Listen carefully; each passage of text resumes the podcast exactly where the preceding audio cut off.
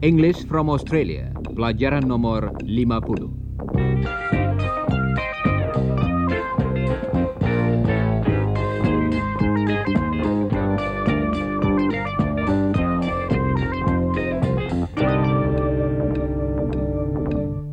Hello listeners.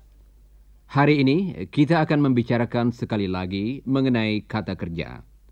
Tetapi kali ini kita tidak akan menekankan bentuk waktu kata kerja. Yang akan kita bicarakan ialah suatu jenis kata kerja tertentu. Saudara pendengar mungkin sudah memperhatikan bahwa beberapa kata kerja dalam bahasa Inggris mempunyai dua bagian. Coba dengarkan dulu. Come on, Chris. Hurry up, we're late. Hang on, Chris. Come in, Ewan. Come along, Lucia. I woke up early this morning. Apakah saudara perhatikan bahwa dalam contoh-contoh tadi, kata kerjanya terdiri dari dua bagian? Sekarang, kata-kata kerja tersebut akan diulangi lagi beserta artinya. Coba dengarkan. Hurry up. Cepatlah, Hang on. Tunggulah sebentar. Come on. Ayo atau marilah, Wake up. bangun, Come in. masuk, Come along. mari ikut. Setiap kata kerja yang baru saudara dengar tadi mempunyai dua bagian dalam bentuk dasarnya.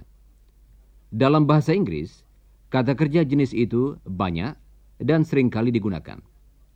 Jadi, kami akan membantu saudara supaya saudara mengerti cara memakai kata kerja tersebut. Coba dengarkan beberapa kalimat yang akan diucapkan Mrs. Scott dan Helen. Ewan's just come back from the shops. Is he in the house? Yes, he's just gone in. I'm going in too. Are you coming in, Mother? Yes, okay.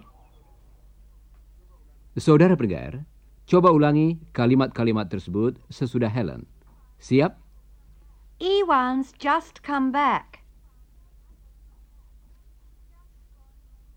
He's just gone in.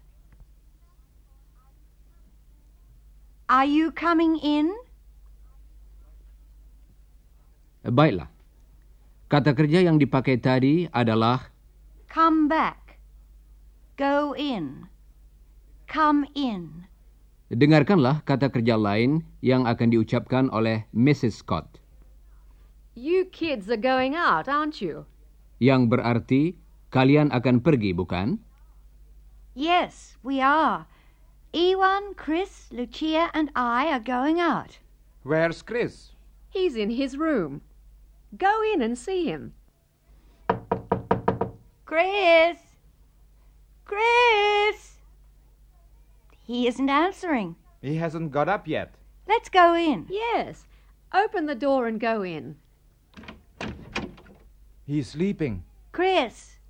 Chris! Wake up! Mm-hmm. What? What's the matter? Come on, we're going out. Do you remember? Going out? Oh, yes. Mm, yes, I remember. Hang on. I'll be ready in a minute. We'll wait in the next room. Hurry up. Apakah tadi saudara mendengar contoh-contoh kata kerja ini? Come on. Hurry up. Wake up. Get up. Go out. Go in. Kedua kata kerja pertama dalam daftar tadi biasanya hanya dipakai kalau kita menyuruh seseorang melakukan sesuatu.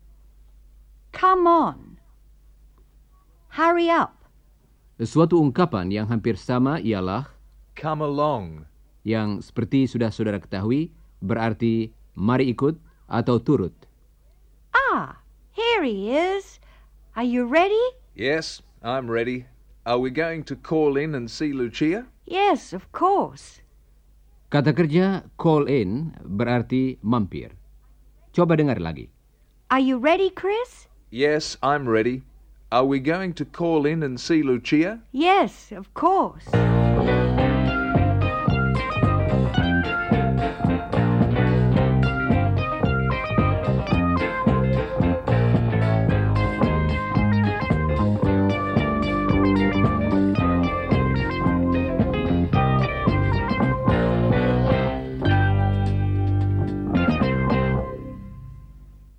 Saudara pendengar, cara menggunakan kata kerja seperti yang saudara dengar tadi mudah dimengerti bukan?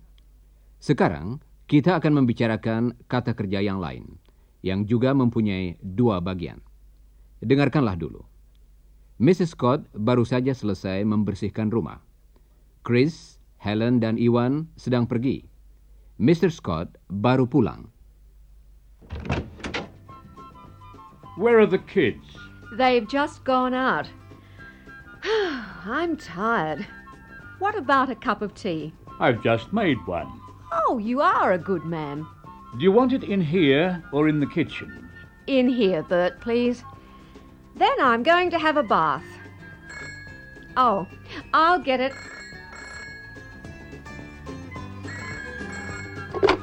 Hello? Oh, hello, Jane. How are you? Just a moment, Jane. I can't hear you. Hang on. Bert! Bert, turn the radio down, please. I'll turn it off. Okay. Jadi, kalimat yang berbunyi Bird turn the radio down berarti dia mengecilkan suara radio. Kemudian, he turn it off, dia mematikan radionya.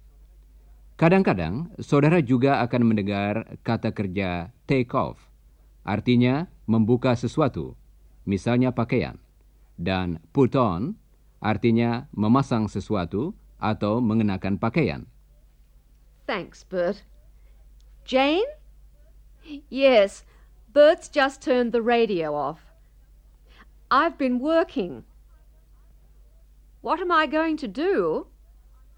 Well, I'm going to take these dirty clothes off and have a bath and put a clean dress on. Then I don't know. I'll switch the television on and we'll watch television for a while. Why don't you come over this afternoon? You can't? I see. Well, Bert's bringing a cup of tea in. Hang on. Bert, put it down over there. Good. Okay, Jane. Yes, I'll ring you up tomorrow. That's right, dear. I'll ring you up in the morning. Bye. Apakah saudara dengar kedua bagian dari setiap kata kerja tadi? Coba dengarkan lagi kata kerjanya saja.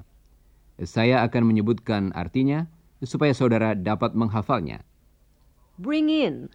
Membawa masuk, Turn down. mengecilkan suara radio, Turn on. memasang radio, Take off. membuka pakaian, Put on. mengenakan, Switch on. menyalakan, Put down. meletakkan, Ring up. menelpon. Nah, saudara-saudara, suatu hal penting yang harus saudara ingat ialah bahwa kedua bagian kata kerja semacam itu dapat dipisahkan. Dengarkanlah sekali lagi salah satu contoh. Bring in. Bring the tea in. He's bringing the tea in. Di antara kedua bagian kata kerja itu, dapat kita masukkan sebuah kata benda atau kata ganti. Dalam contoh tadi, kata bring adalah bagian pertama kata kerjanya, sedangkan kata in adalah bagian kedua. Yang memisahkan kedua bagian tersebut adalah kata-kata the tea. Bring the tea in. He's bringing the tea in. Sekarang saudara kami minta melakukan latihan. Coba ulangi yang berikut ini. He's bringing the tea in. Turn the radio down, please. I'll turn the radio off. She's going to put a dress on. I'm going to ring Jane up. Bert's put the teapot down. She's taken her shoes off. Now I'm going to turn the music on.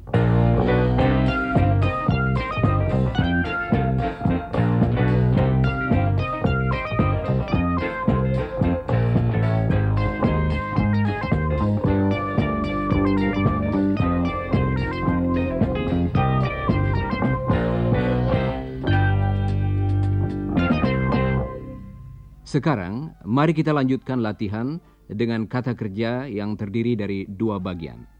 Coba dengarkan. Mr. and Mrs. Scott sedang di rumah. Mereka baru saja selesai makan siang. Dengan suara keras, Mrs. Scott mengatakan sesuatu kepada suaminya yang sudah pergi ke kamar tamu.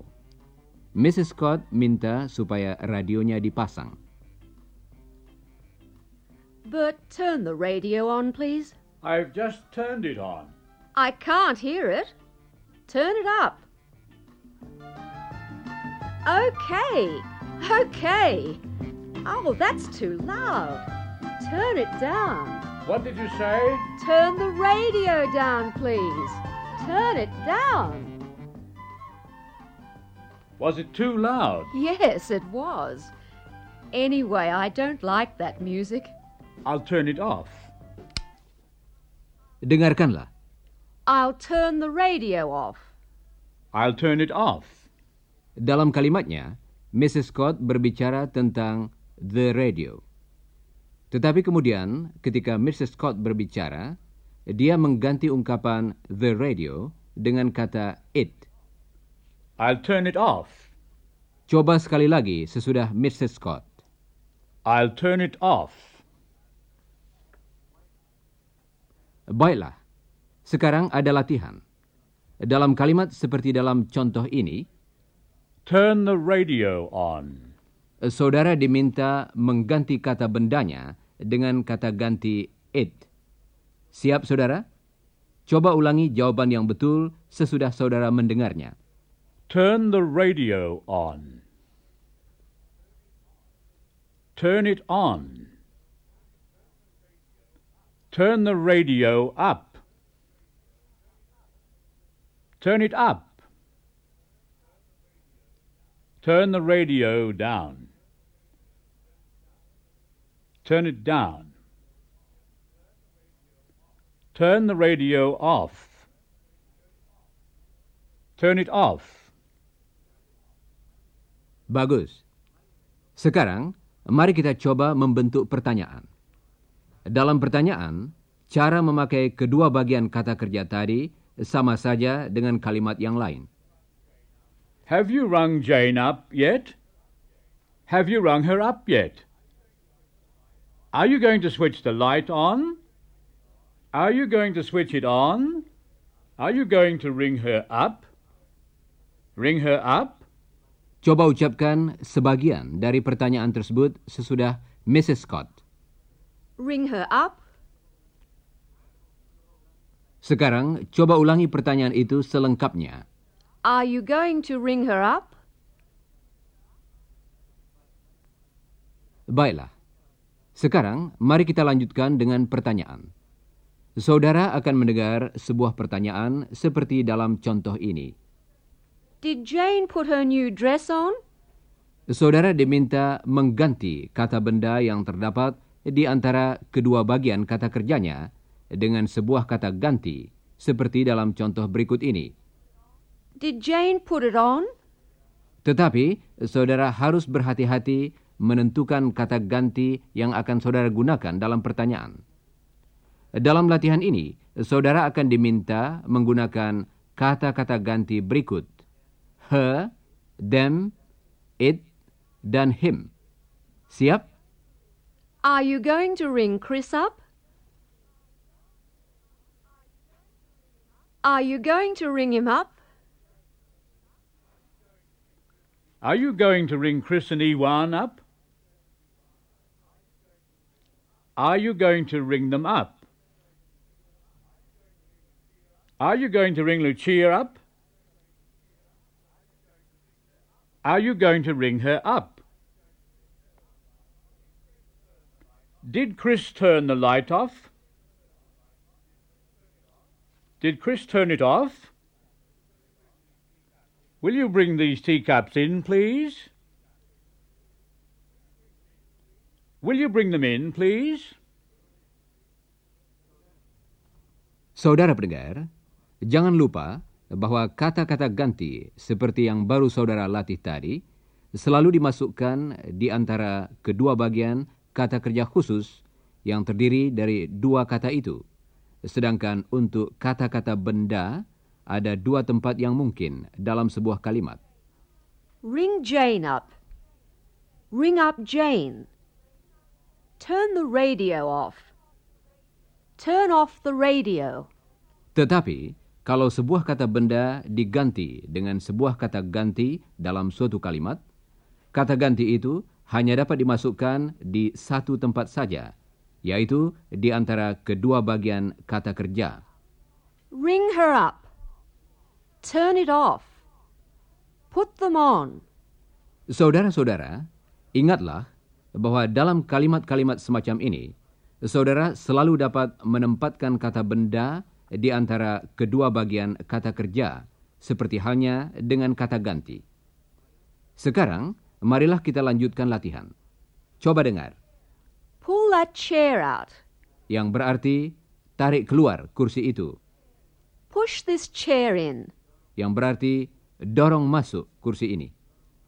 Jadi, arti kedua kata kerja tersebut berlawanan. Saudara akan mendengar kalimat-kalimat lain yang sama bentuknya, dan saudara diminta mengubah kata bendanya menjadi kata ganti. Coba ulangi kalimat yang betul sesudah saudara mendengarnya. Siap, saudara-saudara? Pull that chair out. Pull it out. Push these chairs in. Push them in. Switch that light off. Switch it off. Switch the radio on. Switch it on. Pick your glass up. Pick it up. Put your glass down. Put it down. Ungkapan put it down adalah kebalikan dari pick it up. Sekarang, coba beberapa latihan lagi. Put your hat on. Put it on. Take your hat off. Take it off. Someone switched the radio on. Yes, the kids have just come back. They're in the kitchen. They want something to eat, I suppose.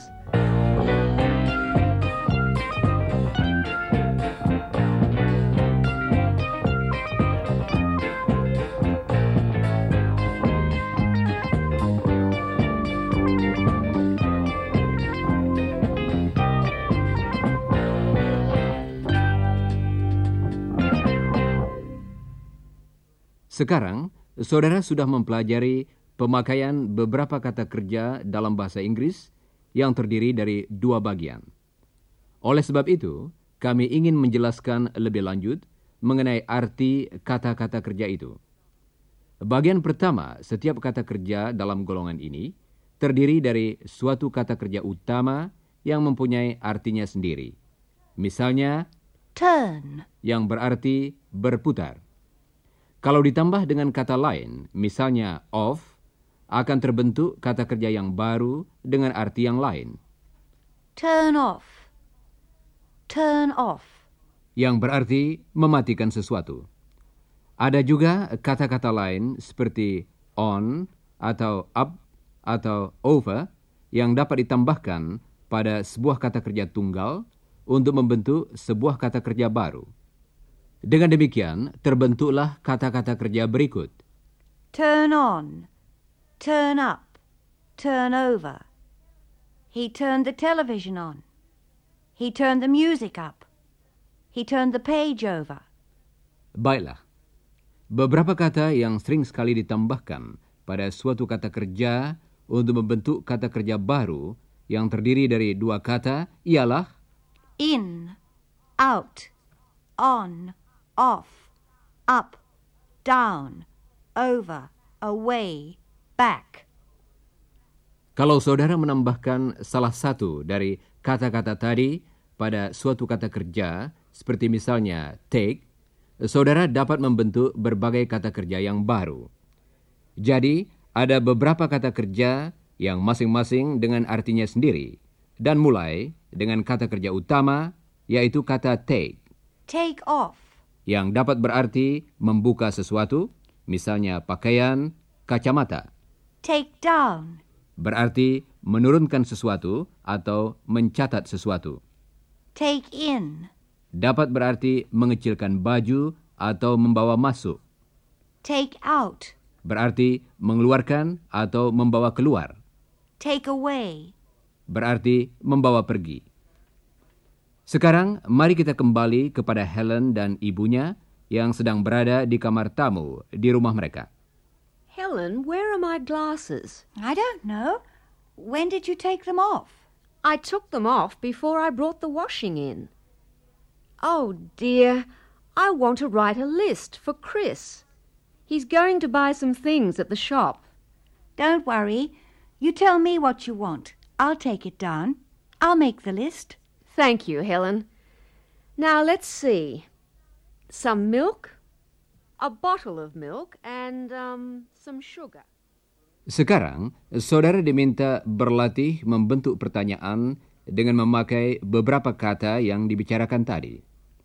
Sebagai contoh, saudara akan mendengar sebuah kalimat sebagai berikut, Chris took the rubbish out. yang berarti Chris membawa sampah keluar. Saudara hendaknya membentuk pertanyaan yang mulai dengan kata when, dan saudara juga diminta memakai kata ganti yang sesuai. When did he take it out? Coba kalimat berikut. Mrs. Scott took her glasses off. Coba katakan sesudah Helen. When did she take them off? Sekarang ada kalimat lain seperti itu. Coba ulangi jawaban yang tepat sesudah saudara mendengarnya. Siap? Chris took the rubbish out. When did he take it out? Dad took the rubbish away. When did he take it away? I took this dress up. When did you take it up? Baiklah, saudara-saudara.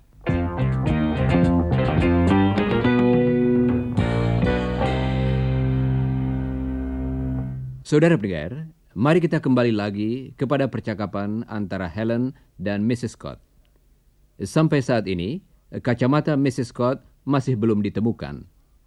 I still haven't found my glasses. When did you take them off? Before I brought the washing in. I put them on after lunch because I wanted to take up a dress. You know that dress. It's too long. Well, I took them off in the kitchen before I brought the washing in. Hmm. Well, Chris took some rubbish out after lunch. Did he? Oh dear. He didn't take my glasses out in the rubbish. They weren't in the rubbish. Mrs. Scott khawatir kalau-kalau kacamatanya itu jatuh ke dalam sampah dan kemudian terbuang. Well, here's Chris. Ask him. Chris, where's that rubbish? Rubbish? What rubbish? Those empty boxes and papers from the kitchen. I took them out. Well, bring them in, please. I can't. Dad just took them away. In the truck. Took them away? Oh, no, my glasses. He's taken my glasses away. No, he hasn't. What do you mean? They were near the rubbish and you took it out, and your father took it away, and now. And now. Calm down, Mother. Look, I've found them. They were in one of the empty boxes. I found them when I was taking the rubbish out. Here you are. Oh, Chris, thank you. Oh, my glasses. Thank you. You must be careful, Mother, when you take your glasses off. When you take them off, you can't see where you put them. Baiklah, Mrs. Scott sudah menemukan kembali kacamatanya. Ternyata kacamata itu tidak terbuang dengan sampah oleh Chris.